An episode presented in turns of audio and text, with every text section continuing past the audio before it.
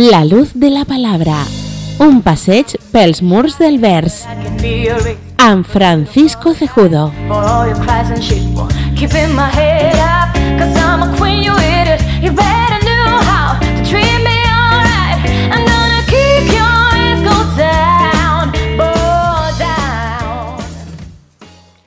Es con mi facha de extranjero, judío errante y pastor griego, con mis cabellos al azar, que vengo a ti, mi dulce amiga, gran manantial en mi fatiga, tus veinte años a buscar.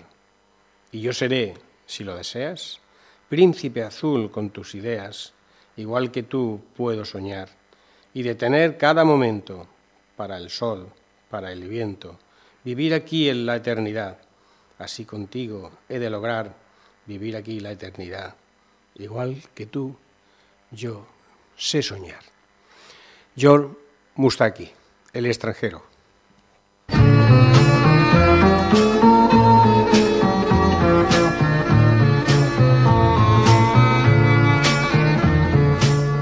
Es con mi facha de extranjero, judío errante y pastor griego, con mis cabellos al azar.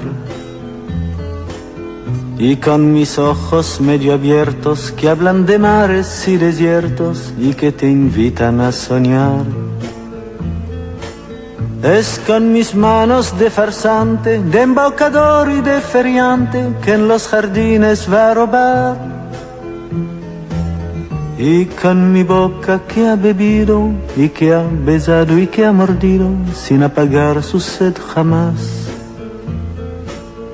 Es con mi facha de extranjero, judío errante y pastor griego, de vagabundo y de ladrón. Y con mi piel que se ha quemado bajo este sol y se ha entregado a los mil juegos del amor. Y con mi pecho que ha sentido del corazón cada latido y lo ha sabido hacer callar. Con mi alma enferma que no espera ni un purgatorio que la quiera para poderla así curar. Es con mi facha de extranjero, judío errante y pastor griego, con mis cabellos al azar. Que vengo a ti, mi dulce amiga, gran manantial en mi fatiga, tus veinte años a buscar. Yo seré, si lo deseas, príncipe azul con tus ideas, igual que tú puedo soñar. Y detener cada momento, parar el sol, parar el viento, vivir aquí la eternidad. Así contigo he de lograr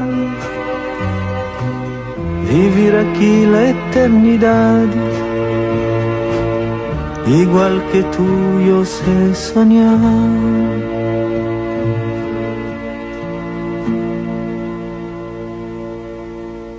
Estàs en el programa La Luz de la Palabra, un espai dedicat al món de la poesia que està presentat i dirigit pel nostre company Francisco Cejudo. Ell és poeta, és d'Ondara i cada setmana ens apropa la poesia a través de les zones de Ràdio La Veu d'Ondara. Ell ha començat el programa d'avui recitant unes paraules i volem saber, Francisco, de qui són aquestes paraules perquè després feien referència a la cançó que hem escoltat, veritat? Sí, efectivamente. Eh, bueno, pues la, la, la, letra, como he dicho antes, de John Mustaki, eh, que es un poeta y sobre todo cantautor egipcio que desarrolló su carrera en Francia, en París, prácticamente uh -huh. casi toda. Entonces tiene una cierta, una cierta, un cierto paralelismo ¿no? con, también con Alejandra Pizarnik, que es la poetisa que hoy vamos a, traer aquí, ¿eh? a colación. ¿no?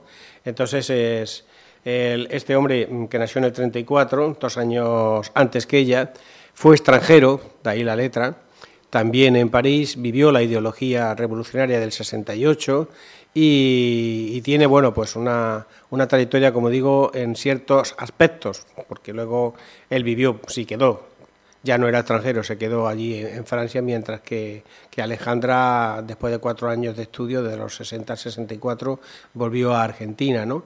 Pero esa ideología, esa situación de, de extranjería, que vivió y luego sintió, porque ella se sintió marcada hasta que murió en el 72, se sintió marcada por la, la corriente eh, francesa. No? I en el cas d'avui has comentat que vas a dedicar el programa a Alejandra Pizarnik, ella sí. era d'Argentina. Sí. I per què? Per què has volgut portar a esta autora avui al programa? Bueno, pues es una autora que yo he leído de, ya de hace algún tiempo. Me ha parecido muy, muy actual, de una vigencia actual. De hecho, bueno, pues es en una época, pues quizás en 10 o 15 años, eh, de mucha influencia en la, en, la, en la, cultura y en el, en el pensamiento poético iberoamericano y, también, por supuesto, eh, español, ¿no? Y, bueno, y, diríamos que, que, mundial, porque en Francia también, ¿no? Eh, entonces murió con 36 años, muy joven, eh, y me ha parecido oportuno marca, marcado esa, esa influència pues, traer-la traer -la a la ràdio. No? Molt bé, aleshores coneixerem un poc més sobre la vida y obra sí. de Alejandra Pizarro. Sí, iremos como siempre alternando las pinceladas de su vida con, con, otras pinceladas de lecturas de su obra, ¿no? que es una obra muy, muy y muy surrealista en algunos aspectos, ¿no? Ella, como digo, nació en el 36, el 29 de abril, es decir, que hace un mes más o menos, en Avellaneda, eh, y murió en Buenos Aires el, en el año 72, en 25 de septiembre, concretamente con 36 años, se suicidó, ¿eh? como algunos otros poetas también que hemos comentado, ¿no? Recuerdo que trajimos aquí a Alfonsina Storni, que también se suicidó también, eh, no sé, Espronceda, por ejemplo, que también se suicidó, o eh, César Pavese, italiano, es decir, muchos eh, o bastantes, desgraciadamente, tomaron esos derroteros últimos en su, en su corta vida. ¿no? Ella pertenecía a una familia de emigrantes ucranianos, también es un tema muy, muy actual. Ella, su familia pertenecía a Ucrania, la Ucrania-Rusia, y además de religión judía. ¿eh? Si he dicho antes que nació en el 36 y en el 39 empezó la Segunda Guerra Mundial, pues debemos suponer que su familia en Ucrania, eh, por ser judía, eh, y padeció bastante, bastante los avatares de la guerra. De hecho, la terminaron casi toda. ¿eh? Ellos tuvieron la suerte de emigrar, su padre, antes, unos años antes, en el 30 y creo que fue en el 34, cosa así, que nació también su hermana, su hermana mayor y, la verdad que tuvieron suerte en ese sentido, pero la familia suya prácticamente toda, y eso marcó mucho también la infancia, esas vivencias familiares en de, de, de, de, agónica eh, relación, porque lo estaban liquidando allá en, en, en lo que es en, en, Ucrania a todos los judíos eh, por parte de los nazis, pues también tuvo una marcada influencia en la vida psíquica de Alejandra. Bueno, eh, de forma autográfica, su escritura se ha hecho trascender como, como, una poeta maldita, te lo estaba comentando fuera de, de, micros, ¿no? Y su nombre eh, escrito eh, ella misma en su diario, porque una de las cosas fundamentales que tenía y que ha salido a la luz no hace muchos años era el diario de ella. ¿eh? Ella misma se decía, Alejandra, Alejandra, debajo estoy yo, debajo está Alejandra, es decir, que después del, del nombre estaba, estaba todo lo que era su padecer y su persona, ¿no? Tenía una búsqueda de identidad que fue constante a lo largo de, su vida y, como digo, eh, el hecho de ser judía y ucraniana, pues, y padecer todo el tema de la, de la guerra dentro de su familia, aparte de los aspectos eh, físicos suyos, que también la marcaron. Ella, como he comentado, era la segunda hija. La primera era rubia, guapa y delgada. Y ella era con gafas, con asma, bajita y gorda.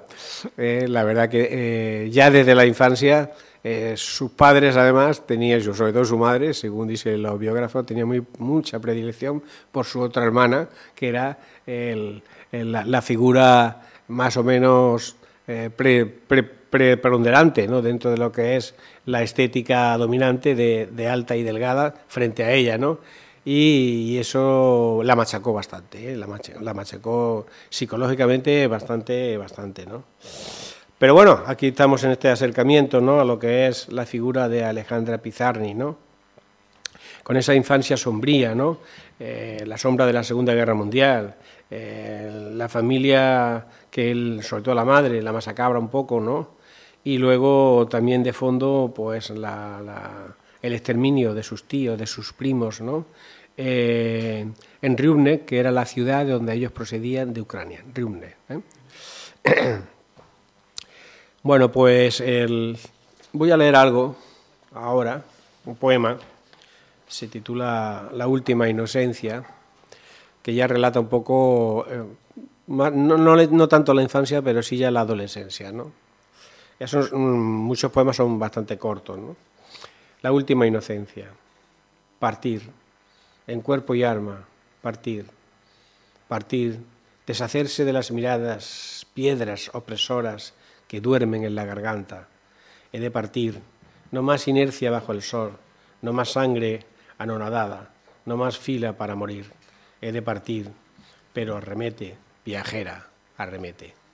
En general, la muerte de, ella misma, la autodestrucción, es, una tónica que, va marcando en sus palabras y en su vida desde muy joven. Ya hemos comentado un poco la infancia, ¿no? esa, tortura que tenía con su aspecto físico, su asma, sus gafas, su gordura, su bajura, y todo eso la atormentaban bastante. ¿no?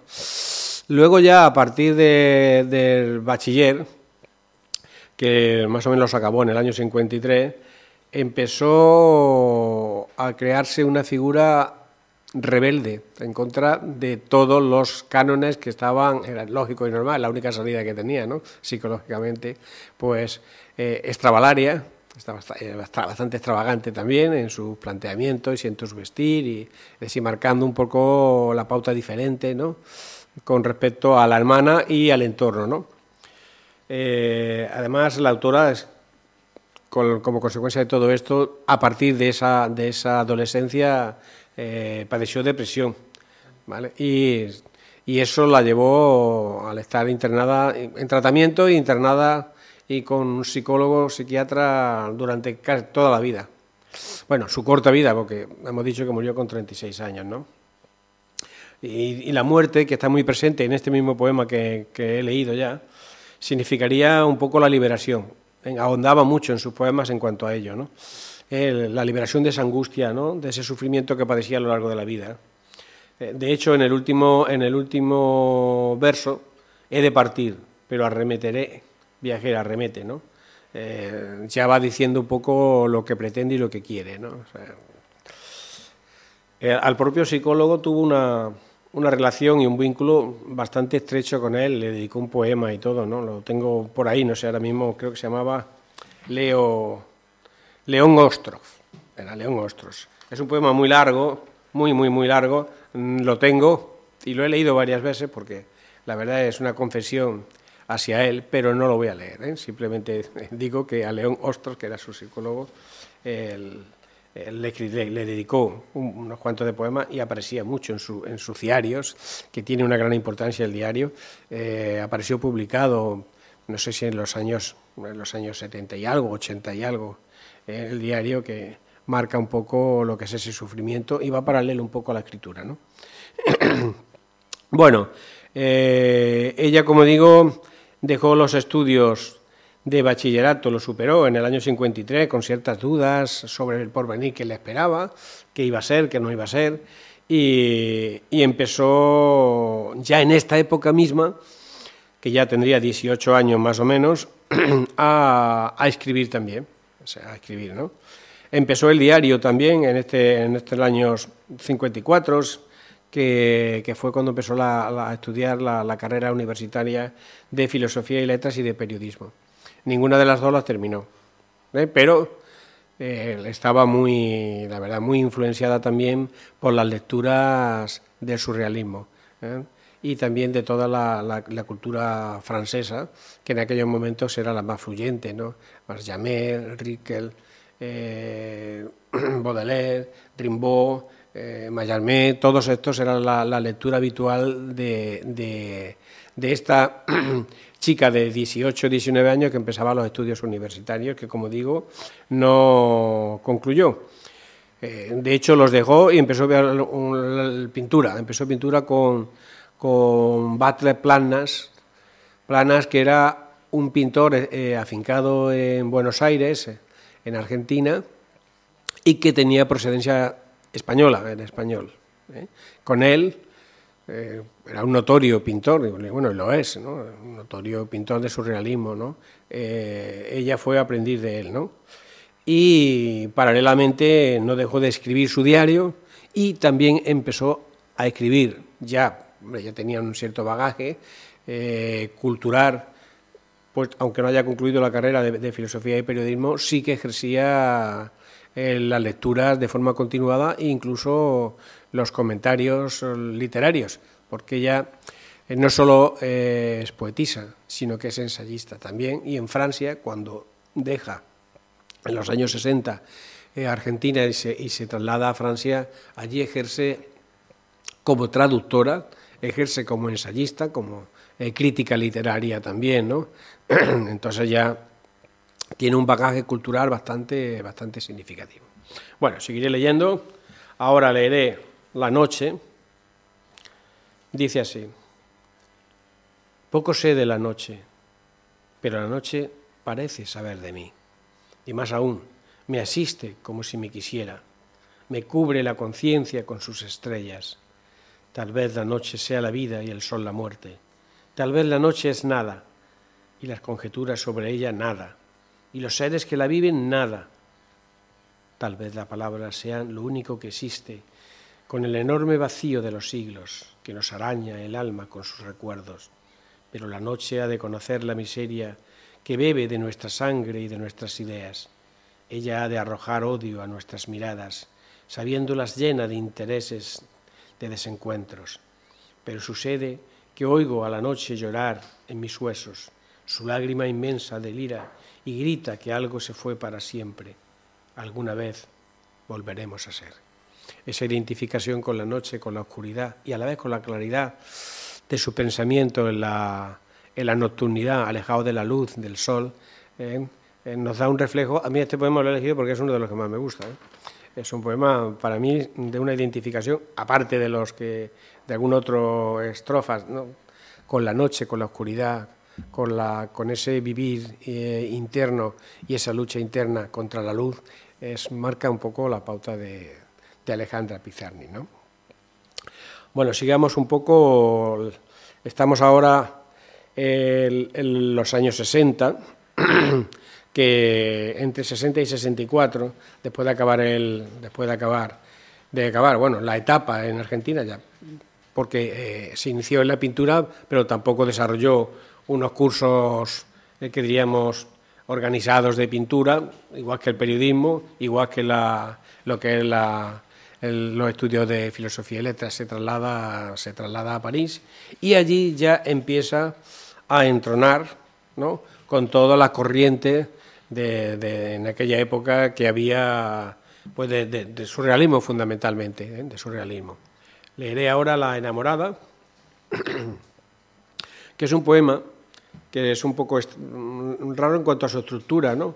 Pues no tiene comas, no tiene pausas, no tiene pausas interversales para nada y no tiene puntos tampoco, ni mayúsculas, excepto al inicio, nada más, pero luego ya no. La enamorada. Ante la lúgubre manía de vivir, esta recóndita humorada de vivir te arrastra, Alejandra, y no lo niegues.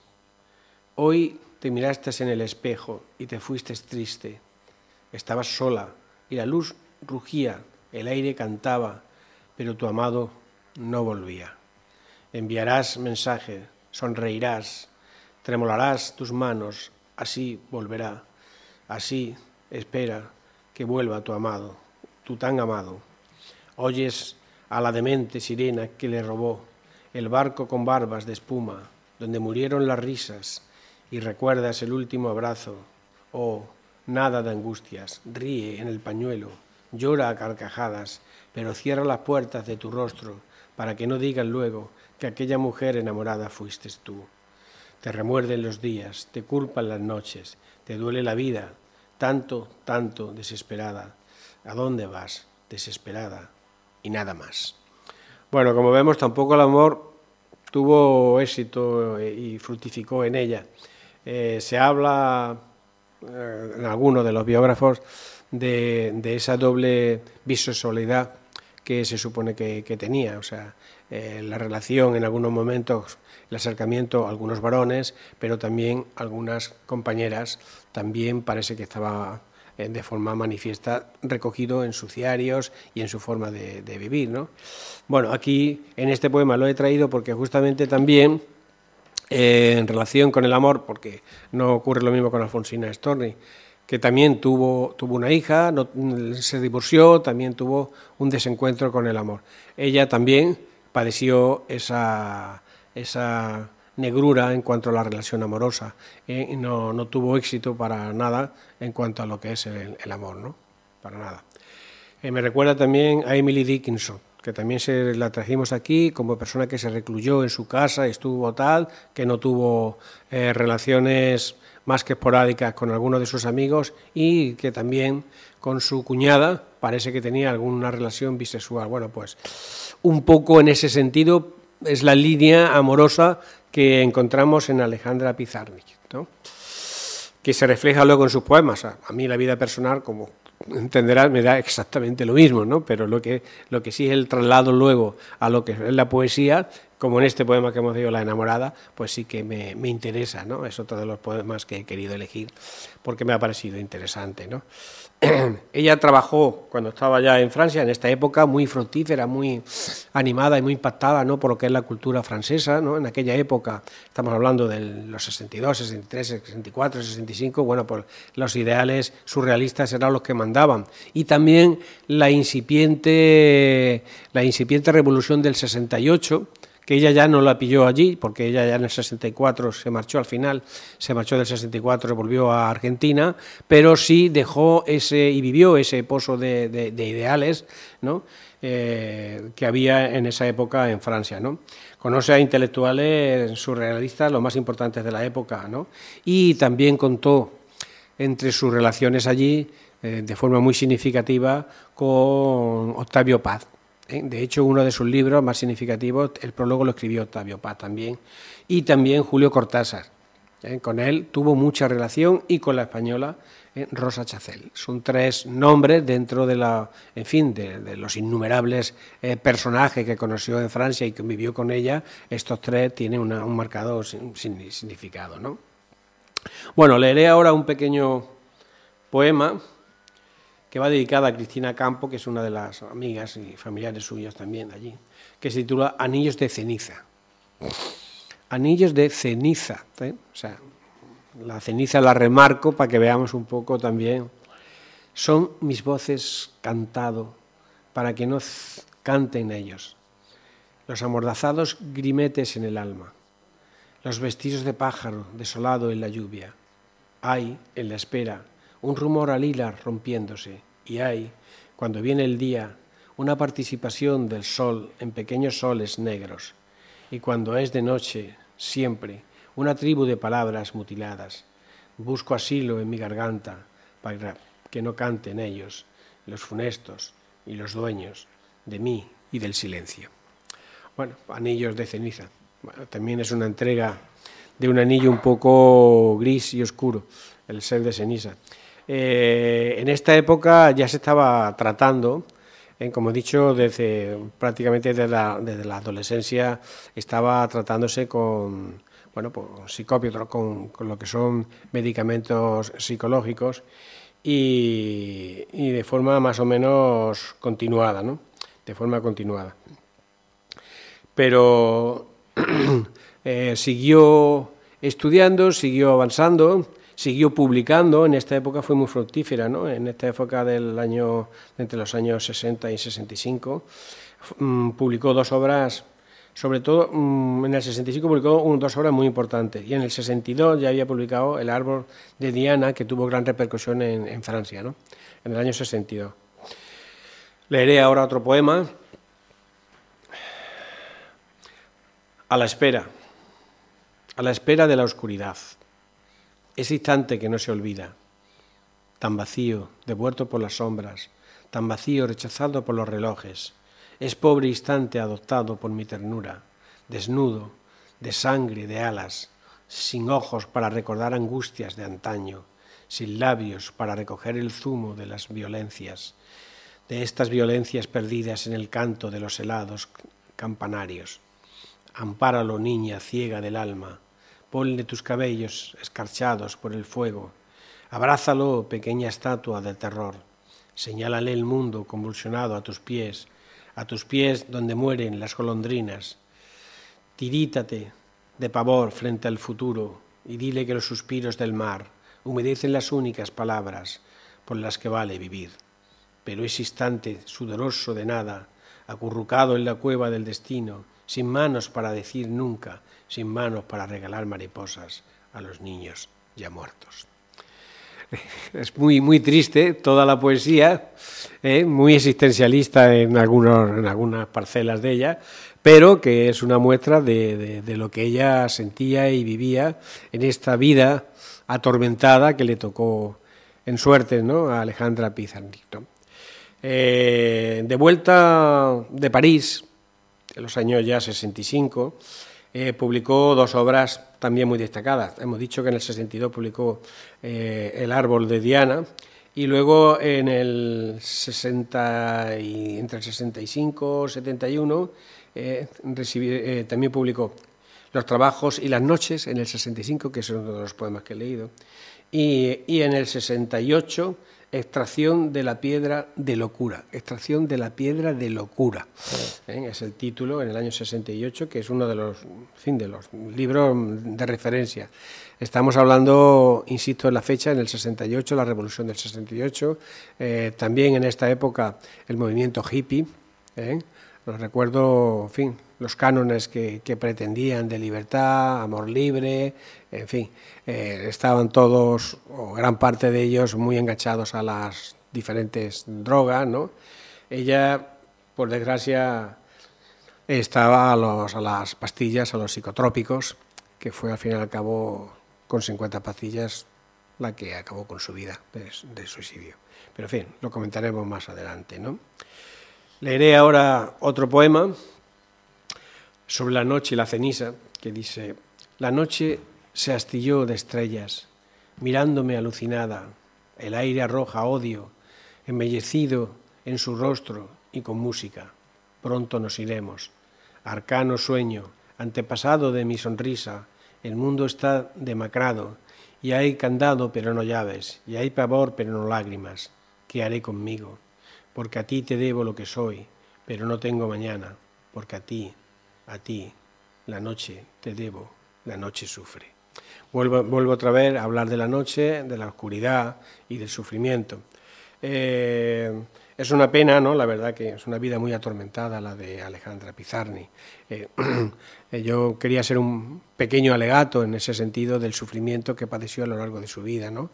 Y mirar los poemas desde ese punto de vista. O sea, no, hoy posiblemente y con una lectura más eh, distante, bueno, pues podríamos decir que bueno, que es una poesía muy oscura, que no, que en fin, que a lo mejor no llega tanto a las emociones. A mí cuando la he leído y la leí hace algunos años y la vuelvo a leer ahora, pues la verdad que me emociona siempre y cuando me ponga, y espero que las la personas lo entiendan, en la piel de Alejandra Pizarni, en ese sufrimiento que padeció desde su infancia atormentada por su, por, por, su figura, por su asma, por sus gafas, por su gordura, que eso ocurre mucho y hablamos mucho de bullying, hablamos mucho de, de las personas hoy, de, eh, escolares que están desplazadas por, no encontrar ese, apoyo y por verse de esa manera.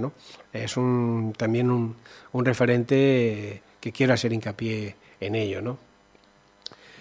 Leeré un pequeño poema ahora, Silencio, que dice así, Silencio, yo me uno al silencio, yo me he unido al silencio y me dejo hacer, me dejo beber, me dejo decir. Eh, es un poema corto, pero que dice mucho, ¿no? Es uno de los grandes temas que fue el silencio también, como hemos dicho, la oscuridad de la noche, ¿no? Visto este poema, tiene una fuerza enorme, ¿no? Que es capaz de consumir eh, ese silencio al propio ser humano, ¿no? Por eso comentaba antes que hay que trasladarse un poco a la situación de ella, no a la hora de leer sus poemas, ¿no? Eh, la verdad que así trabajó poemas breves también ella, muchos, al estilo de casi, casi, en este tiene uno, dos, tres, cuatro, cinco, seis. No es el estilo japonés de haiku, pero sí que se asemejan bastante, ¿no? En los que cada palabra cobra muchísima relevancia, ¿no? Y donde el lector es quien debe de, de leer y extraer el sentido del, del poema, ¿no? Bueno, ahora ya mm, la, la, hemos situado en el año 68 con esa publicación de la, la, extracción de la piedra de la locura que tuvo bastante, bastante éxito. De hecho, eh, sus traducciones también del, del, poeta franceses y tal, pues tienen, tienen bastante relevancia y le conceden dos, dos becas muy significativas y muy importantes. Una en el año 69, que la Guggenheim, que creo que alguna vez le hemos comentado de algún que otro poeta que se le ha dado, ¿no? Y en el año 71 la Fulbright. La Fulbright también es otra de las becas más prestigiosas y sobre todo en Argentina, tanto una como otra, pues la verdad que es una relevancia ya de un, ya muestra ¿no? una persona que está en la élite de la cultura, ¿eh? eso no se lo da a cualquiera, eso no, eso no se le dan a cualquiera. ¿eh? Eh, no tuvo premios como el, no sé, de, reconocimientos a nivel de la propia Argentina, ni un Nobel, ni ninguna cosa de este tipo, pero sí que ya con estas dos becas sí que se le se muestra ese reconocimiento. También es que, claro, murió con 36 años. ¿eh? Bueno, pues seguiré leyendo ahora. Eh, en este caso, Presencia, que eso también son Voy a leer tres poemas muy cortitos. Hemos hablado antes de los haiku. Este es un poquito más largo, pero luego hay dos que son muy cortitos, que es Amantes, que tiene cinco versos, y otro, El corazón de lo que existe, que tiene tres. Eh, presencia. Tu voz en este no poder salirse de las cosas, de mi mirada, ellas me desposeen, hacen de mí un barco sobre un río de piedras. Si no es tu voz, si no lo es, si es la lluvia sola en mi silencio de fiebres, tú me desatan los ojos y por favor, que me hables y que me sigas hablando siempre. Bueno, también es una, una reclamación de ayuda. O sea, aparte de los ojos, la palabra del otro, ¿eh? el consuelo del otro, la presencia del otro. Aquí más o menos se refleja en este poema. ¿no? Luego tiene otro que hemos dicho, amantes, que son muy cortitos, una flor no lejos de la noche, mi cuerpo mudo, que se abre a la delicada urgencia del rocío. Se abre como una flor en el rocío.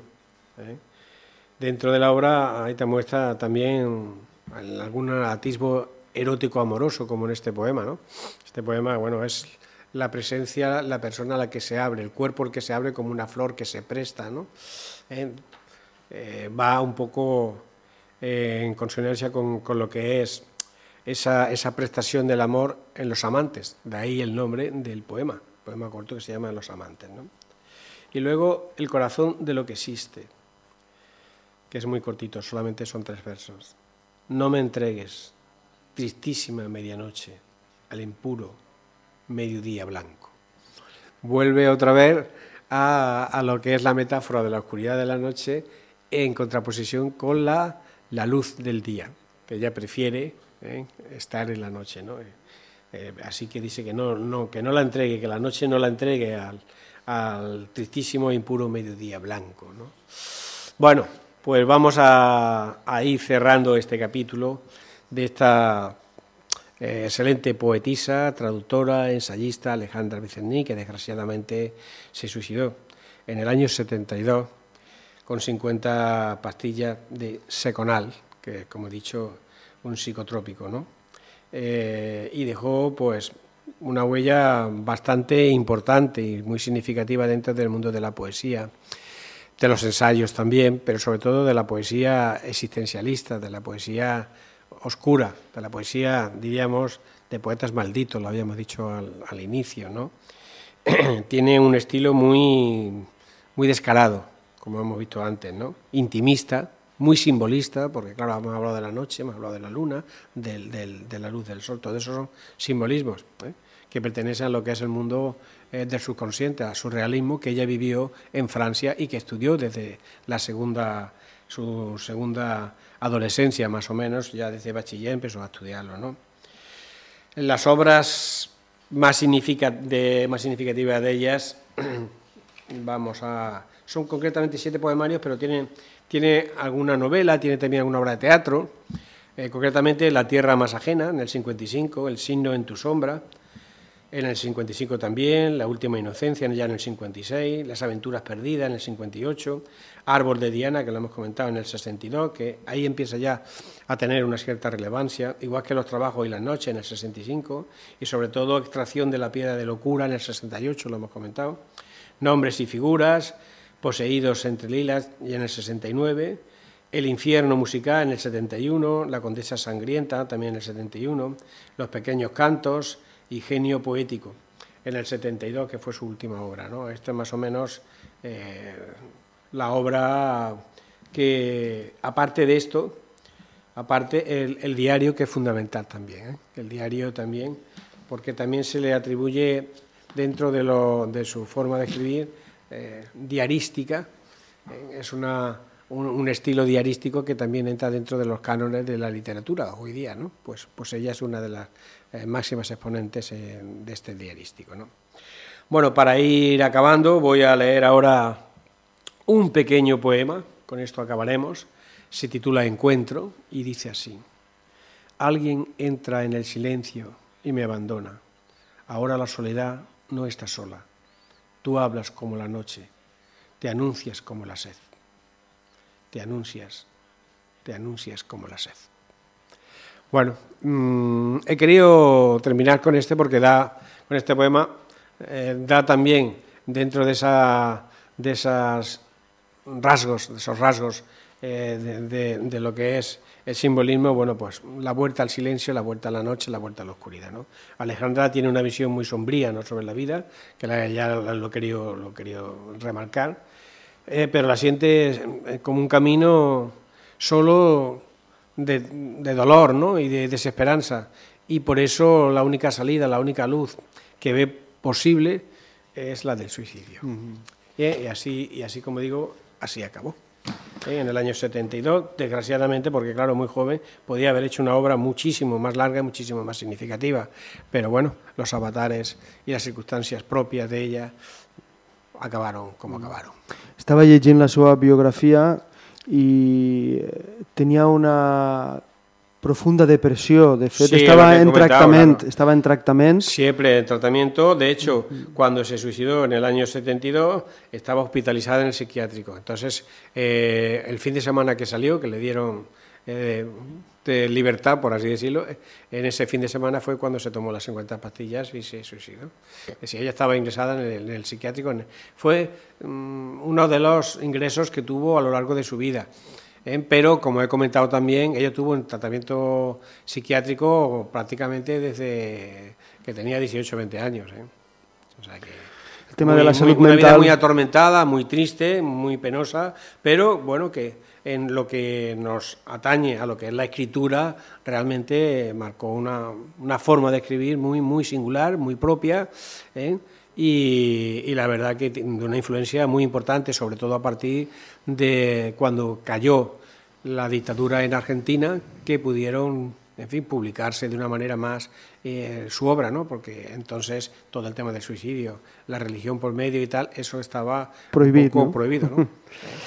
Acabarem el programa d'avui amb música i ho farem amb el tema No llores por mi Argentina de Nacha Guevara. Entenc que has triat este tema perquè ella és argentina. ¿no? Efectivamente, claro. Y entonces, bueno, pues supuso también para el mundo cultural cuando se suicidó, cuando se supieron que se había suicidado, pues eh, la verdad que una tristeza y una, y una, no sé, un sentir muy, muy, muy triste para aquellos argentinos que se identificaban con, y se identifican con la cultura, ¿no?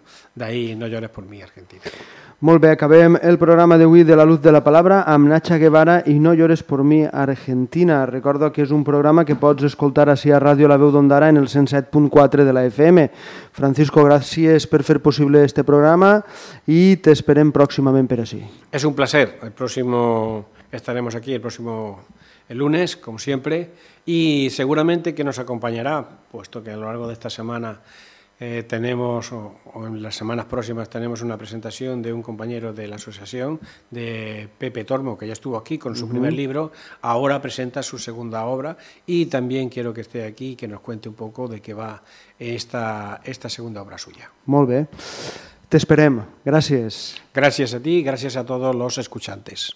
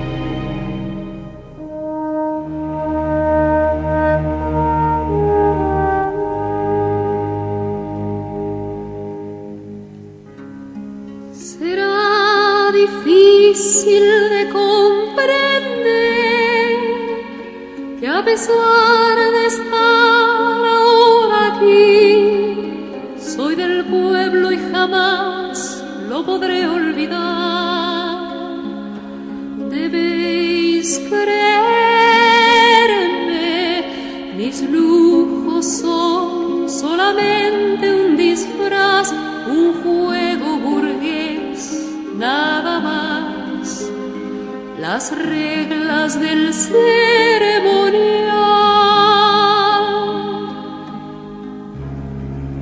tenía que aceptar,